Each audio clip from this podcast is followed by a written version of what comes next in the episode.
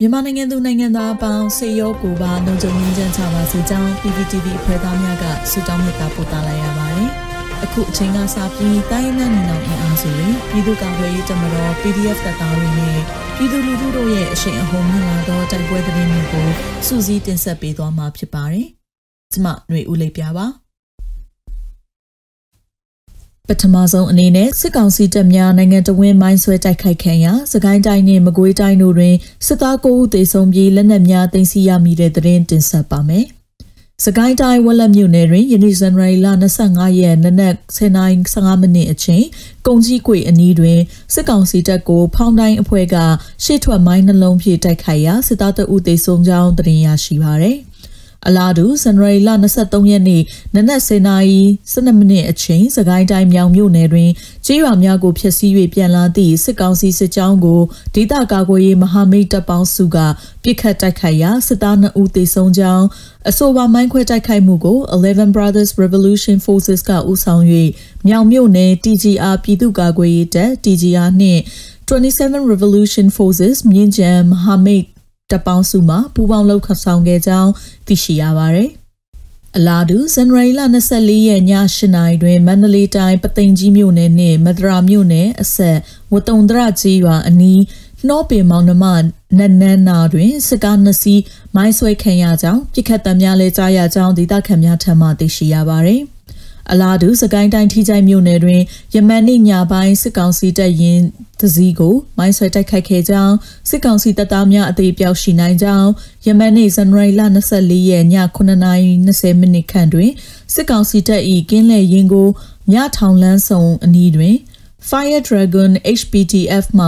မိုင်းငါလုံးတပြိုင်တည်းခွဲတိုက်ခိုက်ကြောင်းမိုင်းမိတဲ့နေရာတွင်ကားထိုးရက်သွားပြီးရန်တမ်းပစ်ခတ်မှုများလှုပ်ဆောင်ခဲ့ကြောင်းသိရှိရပါသည် အလားတူမကွေးတိုင်းစေတုတ်တရာ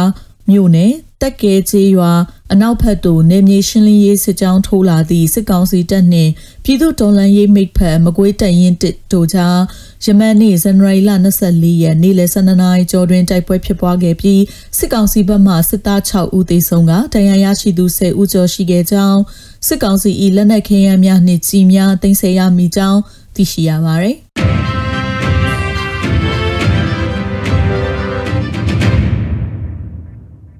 ဆက်လက်ပြီးရေးမြို့နယ်တထုံနှင့်ကြအင်းစိတ်ကြီးတွင်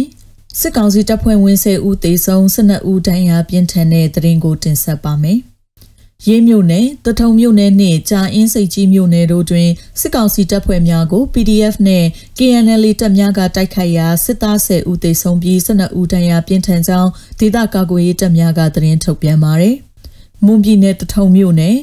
မိုးကောင်းကြီးရွာနှင့်ပသိမ်ရိုးကြီးရွာကြား ရန်ကုန်မော်လမြိုင်ကားလမ်းမပေါ်တွင်ယနေ့ဇန်နဝါရီလ25ရက်နနက်တနာရီခန့်၌စစ်ကောင်စီရင်နှန်းမိုင်းဆွဲတိုက်ခိုက်ခံရပြီးစစ်သား၄ဦးသေဆုံးက၄ဦးဒဏ်ရာရရှိကြောင်းသတင်းရရှိပါသည်။မိုင်းဆွဲတိုက်ခိုက်မှုကို KNL တပ်မဟာ1တရင်နှစ်တို့တပ်ဖွဲ့နှင့် PDF ပူးပေါင်းတပ်ဖွဲ့ကလှုပ်ဆောင်ခဲ့ပြီးအထီးအခိုက်မရှိဆုတ်ခွာနိုင်ခဲ့ကြောင်းတထုံ PDF ထံမှသိရှိရပါသည်။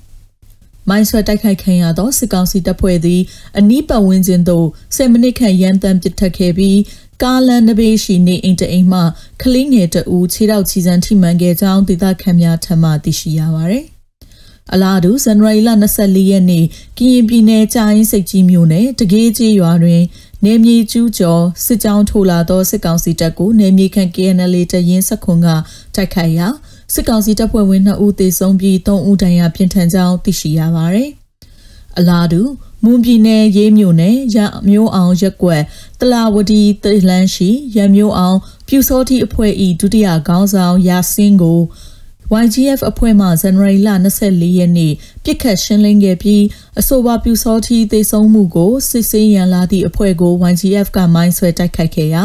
အကြမ်းဖက်စစ်ကောင်စီလက်ပါစီလျဲ၄ဦးသေဆုံးက9ဦးခန့်ဒဏ်ရာရရှိသွားကြောင်း YGF ကသတင်းထုတ်ပြန်ထားပါတယ်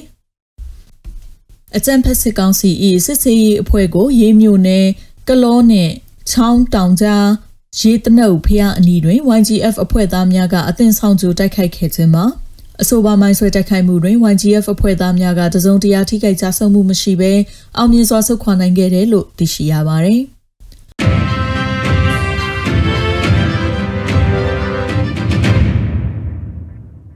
နောက်ဆုံးအနေနဲ့အမျိုးသားညီညွတ်ရေးအစိုးရပြည်ထရေးနဲ့လူဝင်မှုကြီးကြပ်ရေးဝန်ကြီးဌာနက2022ခုနှစ်ဇန်နဝါရီလ25ရက်ရက်စွဲနဲ့ထုတ်ပြန်တဲ့ ပြည်သူ့ခုခံတော်လှန်စစ်တရင်အချက်အလက်တွေကိုတင်ဆက်ပေးသွားမှာပါ။အာနာသိန်းကျန်းဖက်စစ်အုပ်စု၏ပြည်သူလူထုအပေါ်အကြမ်းဖက်ဖိနှိပ်ဖန်ဆီးတိုက်ခိုက်တပ်ဖြတ်နေမှုများကိုပြည်သူလူထုတရက်လုံးကအသက်ရှင်သန်ရေးအတွက်မိမိကိုယ်ကိုမိမိခုခံပါကွယ်ပိုင်ခွင့်အရာပြည်သူခုခံစစ် People's Defensive War ကိုဆင်နွှဲလျက်ရှိပါတယ်။ တရင်ချက်လက်များအရာ24ရက်တလ2022ရက်နေ့တွင်စစ်ကောင်စီတပ်ဖွဲ့ဝင်54ဦးသေဆုံးပြီးထိခိုက်ဒဏ်ရာရရှိသူ9ဦးထိခုခံတိုက်ခိုက်နိုင်ခဲ့ပါတယ်။စစ်အာဏာရှင်စနစ်မြန်မာမြေပေါ်မှာအပြည့်တိုင်ချုပ်ငြိမ်းရေးနဲ့ Federal Democracy တည်ဆောက်ရေးအတွက်ငြင်းချမ်းစွာဆန္ဒပြသည့်လူထုတပိတ်တိုက်ပွဲများကပြည်내နဲ့တိုင်းဒေသကြီးများမှာဖြစ်ပွားပေါ်ပေါက်လျက်ရှိပါတယ်။မြေပြင်မှာယခုတွေ့ရတဲ့သတင်းအချက်အလက်များထက်ပို၍ဖြစ်ပွားနိုင်ပါတယ်ရှင်။